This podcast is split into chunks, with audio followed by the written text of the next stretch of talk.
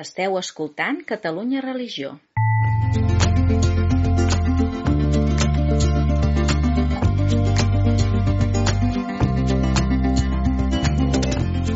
Converses en la frontera, un podcast de Gabriel Jaraba i Xavier Morlans.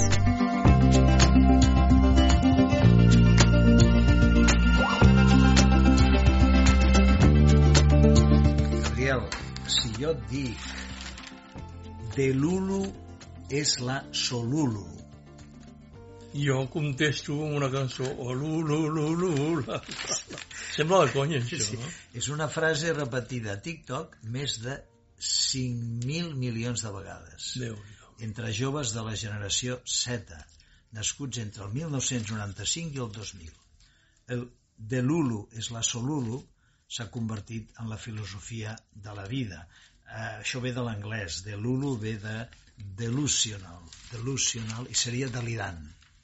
Sí, delirant i, i, i enganyós, eh? No? Delirant i, i, i real, increïble, El no? que proposa és que un jove de la generació Z que veu molt precari l'horitzó, que no hi ha que no hi ha perspectiva de treball, que hi ha canvi climàtic i ho veu tot negre, per fugir es refugia en la seva il·lusió. I el que ell amb la seva il·lusió vol ser, doncs ho pot ser. Pot ser una estrella de rock, pot ser el que sigui, i són uns, uns instants per metre-s'ho tot. Somiant amb la imaginació, jo puc ser el que, el que vulgui, és el que està de moda això entre aquests joves. Bé, el capitalisme no he dit pas eh, altrament, és a dir, tu pots ser el que vulguis ser, eh, només et cal arribar a ser allò que et proposis ser, eh, si t'esforces prou, si lleves ben d'hora, ben d'hora, com deia aquell futbolista, doncs arribaràs a... Sí. Eh, clar, mm, Però i, i, i, i, Aquests no parlen de, de ben d'hora ben d'hora, eh? sinó que, pum, instantàniament, Clar. jo sóc una estrella del rock i em poso a Clar. cantar a la meva habitació i m'estan escoltant 5.000 milions a través de TikTok, no? Clar, perquè TikTok també és així d'instantani. Clar, TikTok són vídeos molt curts que, que, que, i, i no només curts sinó immediats. TikTok no enganya, no és delusional, sinó que TikTok et dona una sensació de realitat extraordinària. Jo sóc el que fa això, mira el que faig, mira com sóc, mira el que sóc. Eh, I aleshores què és això? Doncs un gran joc de miralls, un panòptic, amb el qual ens serveix d'una cosa fonamental en l'adolescència i la primera joventut, que és un sistema de reconeixement mutu que reforça la pròpia identitat eh, i ens eh, diu, doncs, ens mostra no només com som de veritat, sinó com voldríem ser i fem que aquestes dues imatges es superposin. Mm -hmm. I aquest és el miracle del TikTok i de la ona aquesta de l'Ulu. És a dir, fer, fer, i, que és, i per això és delusional, no? o, o enganyós, no? És a dir, que sembli que és allò que no és, però que teníem, però que tenim moltes ganes de que, de que sigui així. Mm -hmm. és, és tremendo. Mm, dit això, que no pateixin els mestres, pobrets, eh, els educadors, eh, els pares de família, els psicòlegs i els terapeutes diversos. Eh, quan hagi passat tot això, les pantalles, els mòbils, seguiran estant allà, com el dinosaure aquell, el Monterroso, que diu quan despertó Sí. el dinosaurio seguia allí, doncs clar, seguiran estant, no hi ha marxa enrere en aquesta gran digitalització. És a dir, el tremendo de tot això, eh? i m'agrada parlar de tremendo, perquè és molt caribenya, tremendo vacilón, no? I dius, el tremendo de tot això és que mm, tot això no té marxa enrere mai, cap eh, mm, transformació, i no diguem ja revolució comunicacional, ha tingut marxa enrere. Eh, ni la de Gutenberg, és a dir, mm, quan es va inventar la impremta, es van començar a produir llibres, i no només llibres, sinó impresos com a xurros, i van arribar a la premsa diària, però la premsa diària i als pamflets i a tota mena de... i vam dir l'alfabetització universal, i aleshores els il·lustrats van dir estem salvats, perquè ara tothom sabrà, sabrà llegir i per tant s'hauran acabat eh, les guerres, el doctor Zamenhof. Dius, no, vostè perdoni, Eh, és a dir, la, ni la alfabetització universal priva de les desigualtats i les desgràcies, manera, uh -huh.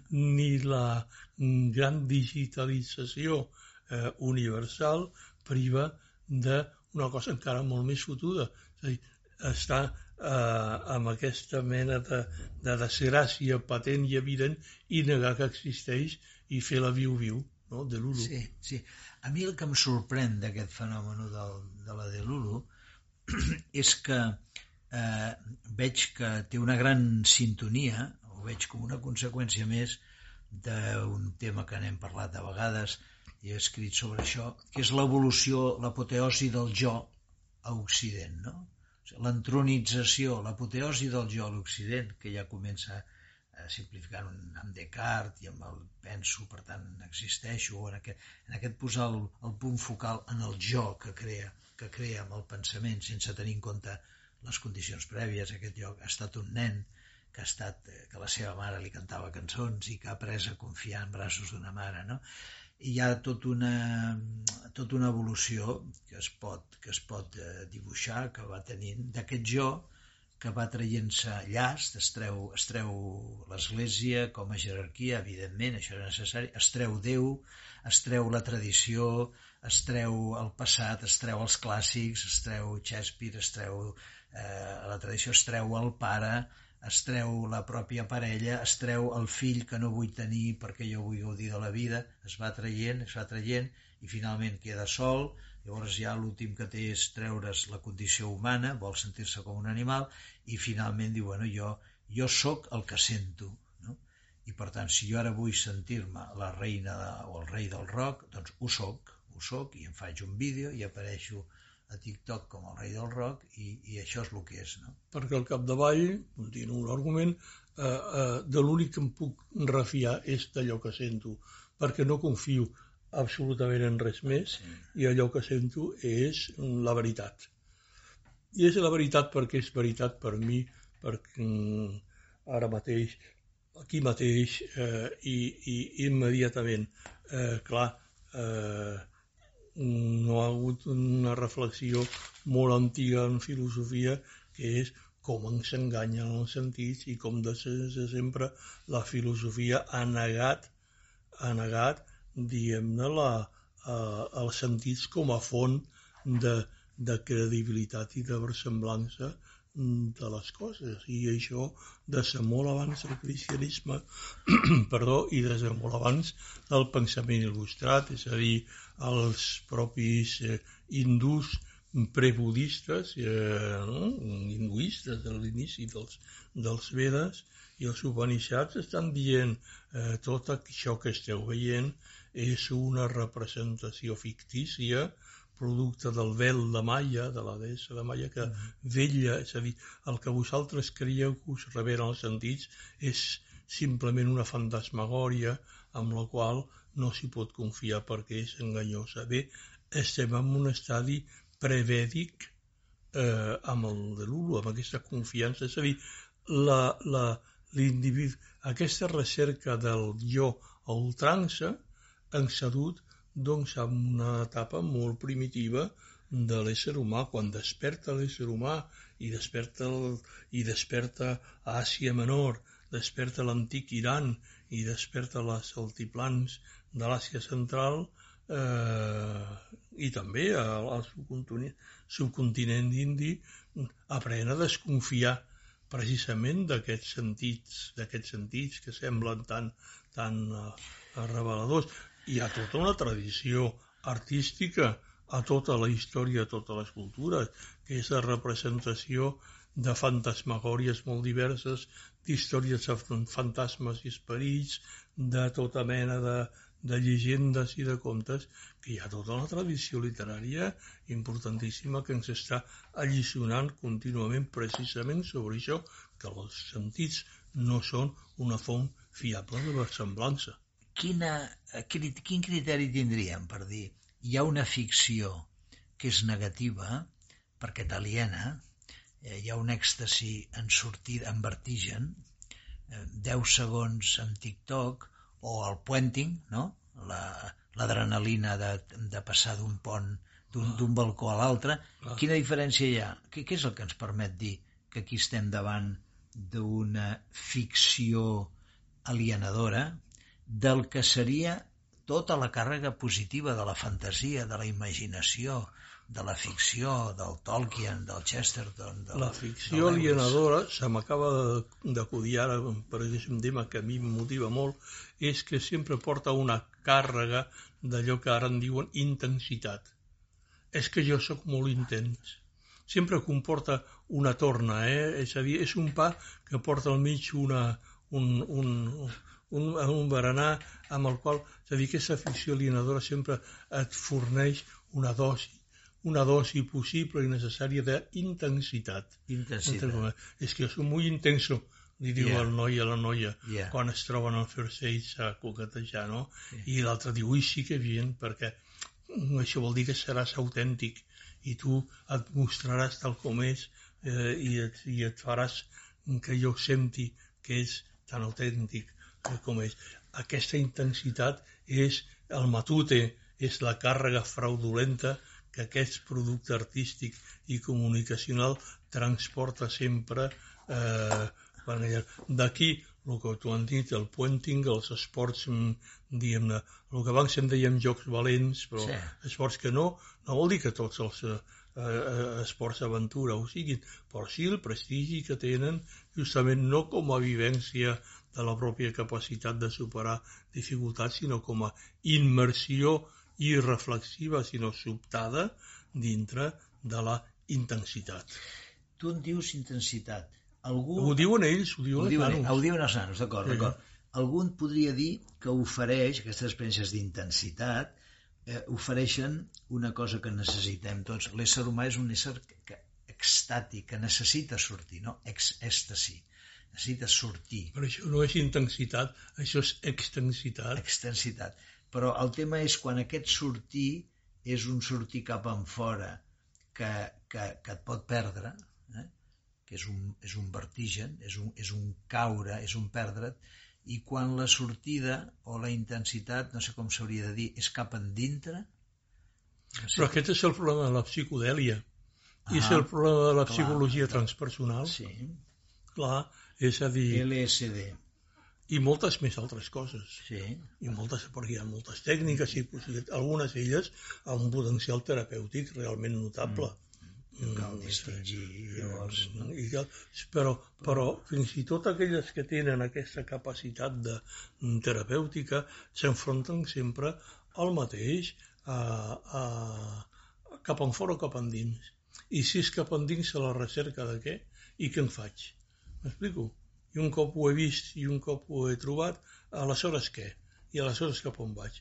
Clar, i aleshores, a veure totes les persones, que algunes de, de, de notabilíssimes, entre nosaltres a Catalunya, moltíssims, que han treballat i que treballen amb la, amb la, amb la teràpia transpersonal en general, perdó, i amb aquestes qüestions, jo crec que la pregunta que tenen davant, davant d'ells és molt bé, cap on anem?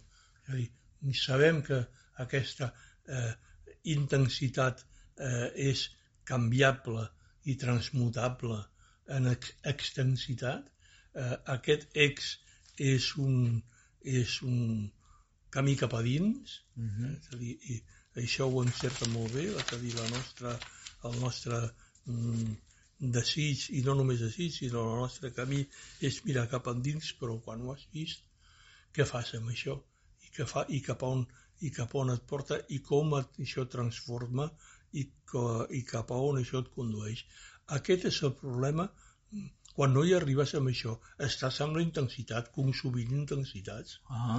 I aleshores el que fa totes les indústries de la consciència, que són aquestes coses, eh, és produ produir les dosis necessàries i comercialitzables d'intensitat que es poden comercialitzar.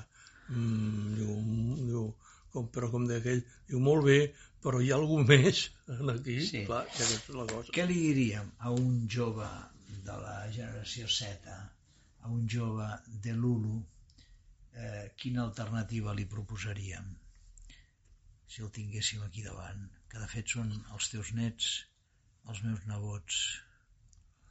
És molt difícil perquè, clar, és a dir, com el desenganyes? Més de lo desenganyat que està.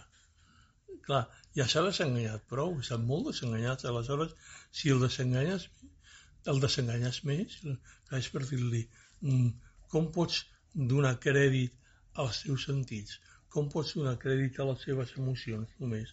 Com pots dir que en última instància això és la realitat? Però... I ella dirà, sí, però és que no tinc cap altra cosa. Sí. Suposo que el camí seria, eh, si vol, clar, sempre hi ha la llibertat, de poder fer experiències, diguéssim, sanes, de, de, intenses. No? Sí, des, més que intenses, experiències eh, profundes i transformadores. Ah. Perquè lo intens no és profund. M'explico? Sí. I perquè la transformació només es produeix quan hi ha profunditat. I aleshores jo diria, lo intens és tan, diguem-ne, mm, eh, com diria, pues, és això, la intensitat és tan fugissera com pugui ser qualsevol altra. De totes permeten reivindicar mm. uns, uns esdeveniments fundants d'una certa intensitat, una, una nit a muntanya, eh, una marxa a peu a Montserrat, una nit recorrent Barcelona comptant els sense sostre, o sigui, una certa intensitat inicial, no manipuladora, sinó que té com a nord el coneixement de la realitat, el coneixement de la gent que pateix, jo entenc que una certa intensitat bona ha d'existir perquè llavors es pugui produir el procés d'aprofundiment. Insisteixo, això no és intensitat, sinó impacte. Impacte. Val. És a dir, l'impacte que és bé de la trobada amb la natura, de la trobada amb el món social, de la trobada amb l'altre, amb l'alteritat, sí. perquè tot impacte mm, representa que hi ha algú que algú o alguna cosa que ens influeix i que ens porta a una reacció, a una, a una decisió d'actuació, mentre que la intensitat és un simple circuit tancat de ah. renovació de la ah. impressió eh, tremendament seductora dels sentits. Jo, permetem un, un link, als anys 70, quan estava a les parròquies obreres de nou barris, no? i iniciàvem la JOC, la Joventut Obrera Cristiana, que havia experimentat una crisi molt forta al final del franquisme, s'havia polititzat, i, i vam engegar també el moviment germà de la JOVAC, joves cristians de barris obrers i ambients populars, recordo que sempre hi havia aquella cosa a l'hora de dir si havíem de presentar la figura de Jesucrist, oferir un cristianisme més explícit, en aquell moment dominava molt allò de al tanto, això és un procés, això és un procés. No? I anys després, per això t'he tret el tema que està, la paraula impacte, eh, jo dic sí, sense, sense procés no hi ha maduració, però sense impacte o esdeveniment fundant, si em deixes usar així aquestes paraules, I tant, i tant. Eh, no hi pot haver procés. I l'esdeveniment fundant pot ser bueno, l'expedient fundant és que un company teu es treu una harmònica de la butxaca i es posa a tocar eh, Lo Sole Mio o Cielito i, i, i un queda... Eh? L'esdeveniment fundant pot ser una pel·lícula com la que veu el Josep Carreras al cine de El Gran Caruso que la feia el Mario Lanza. I tant, eh? i tal. Jo, I això ho he pogut verificar, amb la, parlant amb la, he parlat amb la germana del, del Josep Carreras, m'ha certificat que és totalment real, sí, eh? que sortint de veure aquella pel·lícula amb 7 o 8 anys, eh, el Josep Carreras, la seva germana i la mare, el Josep va dir, jo vull ser com aquest. Sí. I ja tenia, i la mare li va posar llavors, el va posar a classe de, sí. de, de música. Vull dir, hi ha d'haver un esdeveniment fundant perquè hi pugui haver llavors un procés de maduració. I això jo ara ho estic aplicant a la fe, eh? el que en diem el primer anunci, és propiciar experiències sempre respectant la llibertat de l'altre, eh? desmarcant-se de l'estil impositiu, de tipus sectari, eh, fanàtic. Eh, es pot aplicar a la fe, que és la feina que em dedico, però es pot aplicar eh, al trobar el sentit de la vida o a iniciar la fraternitat o a iniciar la natura, no? que és el que feia l'escoltisme. Clar, tot aquest esdeveniment fundant, a més, eh, és profundament humà, forma part de la realitat humana eh, i és eh, eh, insospitadament proper. Mm -hmm. El problema que té Doncs la psicodèlia o el transpersonal és precisament diguem-ne l'extraordinari de la impressió i lo inusual la ayahuasca, per exemple, mm -hmm. com a planta mestra, no? Però eh, l'esdeveniment fundant mm, que suscita processos. El meu esdeveniment fundant eh, va ser eh, pen descobrir que existia l'harmònica, tu l'has ah, mencionat, uh -huh. que la meva tieta Margarida eh, tocava l'harmònica i que un dia tornant havíem passat un, un, un diumenge a casa seva amb una, amb una caseta que tenien de, de, a Montcada allò de la caseta i l'hortet, sí. hi havia gent que se la va fer, no? Sí. Tenien un hortet. Això. Doncs jo em vaig passar molt bé en allò, i el colofó, en allò és que de tornada, doncs com a bona excursionista, la meva tieta Margarida es va posar a tocar l'harmònica eh, allà al tren. No? Sí. I jo vaig veure allò, vaig dir, ui, va, què és això? Això... Quants anys tenies? Oh, pues, sis o set. Eh? Això, fill meu, se'n diu harmònica. Ostres! i on s'aconsegueix doncs a tal botiga en venen, etc. O però això és molt car. I vaig, és a dir, va ser un procés iniciàtic que aleshores jo és, reflexiono contínuament sobre el que em va descobrir l'harmònica i el que em va descobrir l'harmònica era que jo, que era un nen molt introvertit, que vivia en un món molt tancat, molt reduït, eh, una amiga em dir, tu vivies en una capsa, dic és veritat, saps? doncs em va descobrir que havia altra gent en la qual s'hi podia comunicar i que jo podia trobar la manera de comunicar-hi, no només comunicar-hi, sinó expressant. Vaig arribar a ser un virtuós de l'harmònica, ella de criatura. Jo sortia al balcó de casa meva i em posava a tocar l'harmònica per als meus veïns, no. que encara hi ha gent a Facebook que diu, encara me'n recordo sortir. És un esdeveniment fundant. Sí.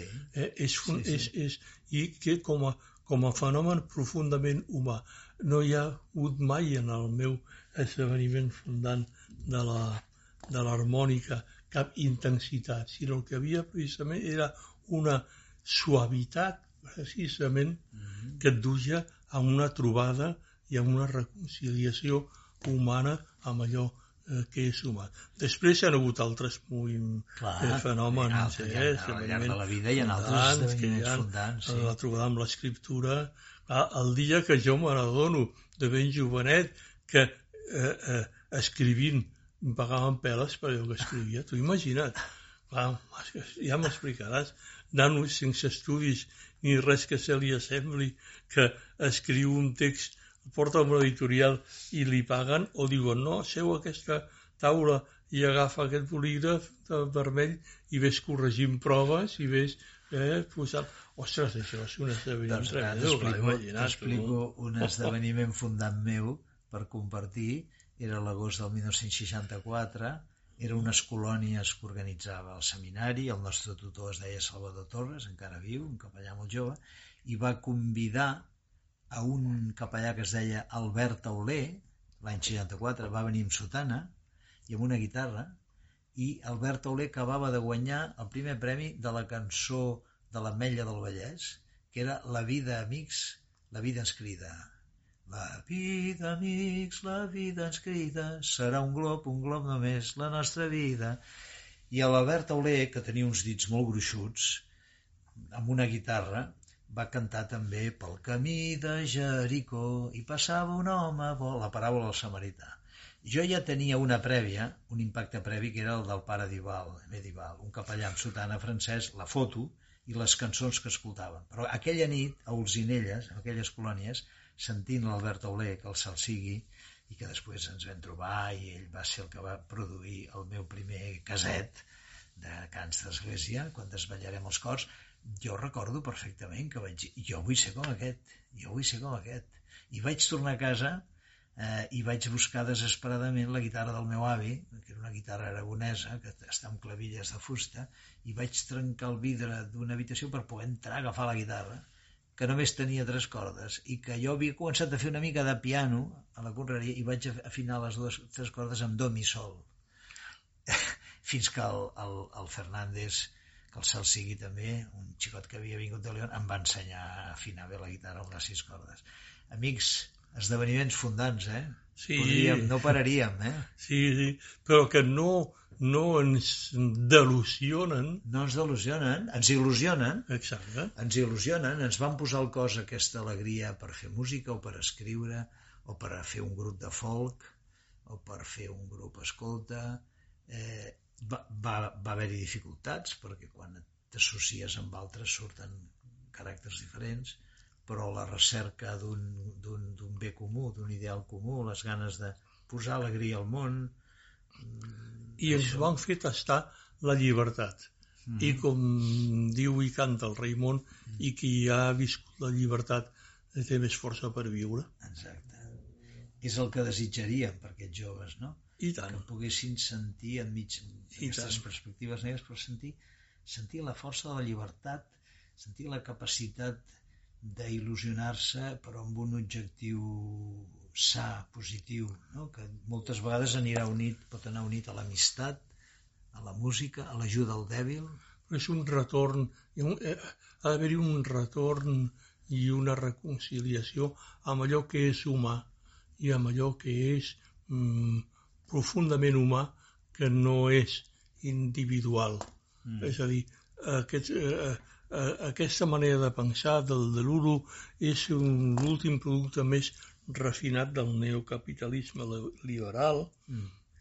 que és un mal nom, eh? però i a més és una cosa que dura, que és prèvia al capitalisme i dura tant com dura la història de la humanitat, però que és un engany i que és una trampa, trampa per elefants, eh, perquè està basat en un, a veure si sóc capaç de- d'explicar-ho, amb aquest, no només amb aquest creure que tu ho pots tot i que tu se't deu tot, sinó que ja n'hi ha prou en, aquest, eh, en aquesta delusió, eh, acceptant l'anglicisme, com perquè això sigui realitat. Ja sé que és mentida, eh? Eh, però com deia en aquella pel·lícula, diguen que m'estimes encara que sigui mentida. Fins a aquest punt hem arribat i el que ha fet tot el segle XX sencer no ha estat altra cosa sinó reforçar aquesta perspectiva.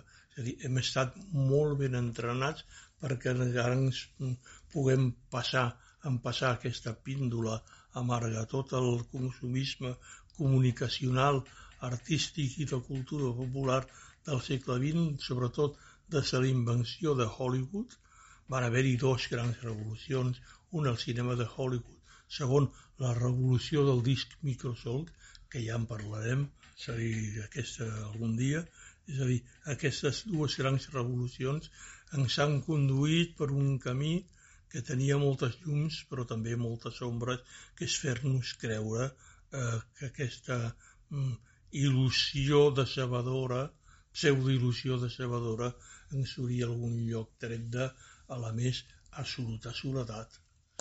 Quan la il·lusió és compartida, quan recreem l'escena de Cantando bajo la lluvia, amb una sobretaula de familiars, i, i el pare s'agafa a una làmpara com una farola i la mare...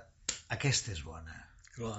La que desperta els, els vincles més sants del cantar, de l'esperar, no? Mm -hmm. I, la que, I la que ens porta, eh, com tu dius, els vincles, no? El que ens porta al, al, a la trobada amb l'altre, Ah. amb l'acceptar el que és altre, amb tots els seus defectes i mancances.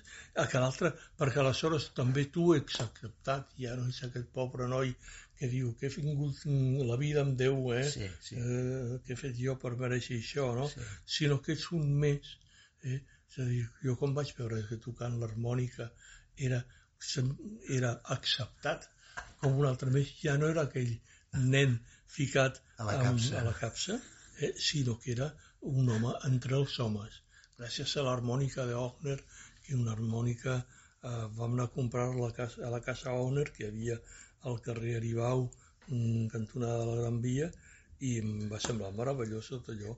I he continuat tocant l'harmònica i tinc a casa diversos models i possibilitats, també l'harmònica cromàtica i li vaig regalar una harmònica cromàtica al meu net, etc etc etc. Amics, quin és el vostre impacte, el vostre esdeveniment fundant? Quins han estat al llarg de la vostra vida els vostres esdeveniments fundants? Us deixem un, uns bons deures. Sí, això és un deure genial perquè tothom en té un, Segur. com a mínim, i, i probablement més d'un, eh, i recordar-lo i, mm, i pensar-lo i reviure'l i pensar per què i en què va ser precisament fundant, eh, ostres, jo crec que ens pot dur a, a llocs molt... Jo, en seu creient, quan vaig per aquests mons predicants, m'atreveixo a dir cristians, en recordeu l'esdeveniment fundant del primer dia que veus sentir que, que Crist era una persona viva? Recordeu la vostra primera trobada amb Crist? i si em sento una mica valent, dic, és que si no la recordeu... Home, el que ha sigut creient des de petit, que ha mamat la fe amb la mare que li cantava, que li darem el noi de la mare, de vegades pot ser difícil individuar un moment, però hi ha d'haver, hi ha d'haver aquest moment que tu passes de la fe rebuda per ambient, per immersió, a la personalització.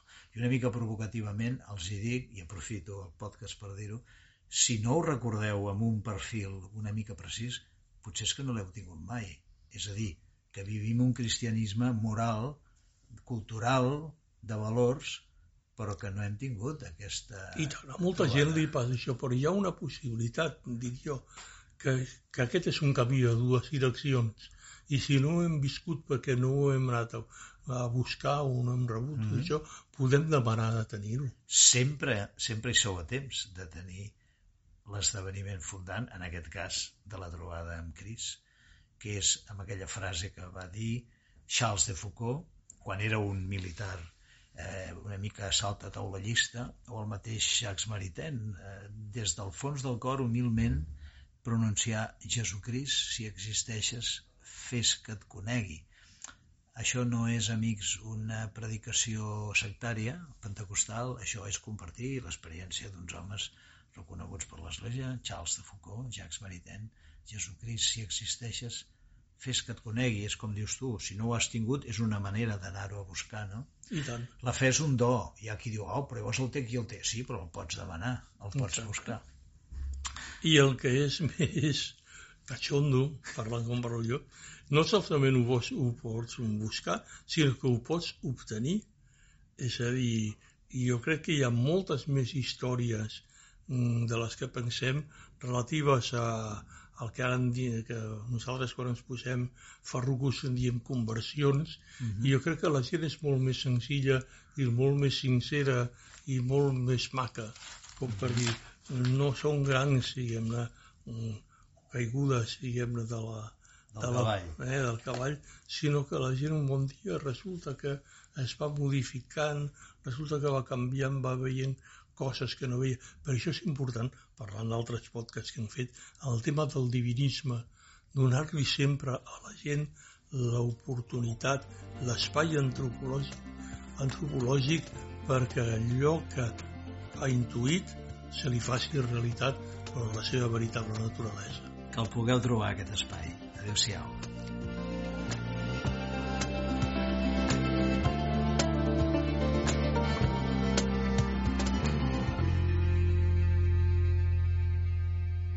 Catalunya Religió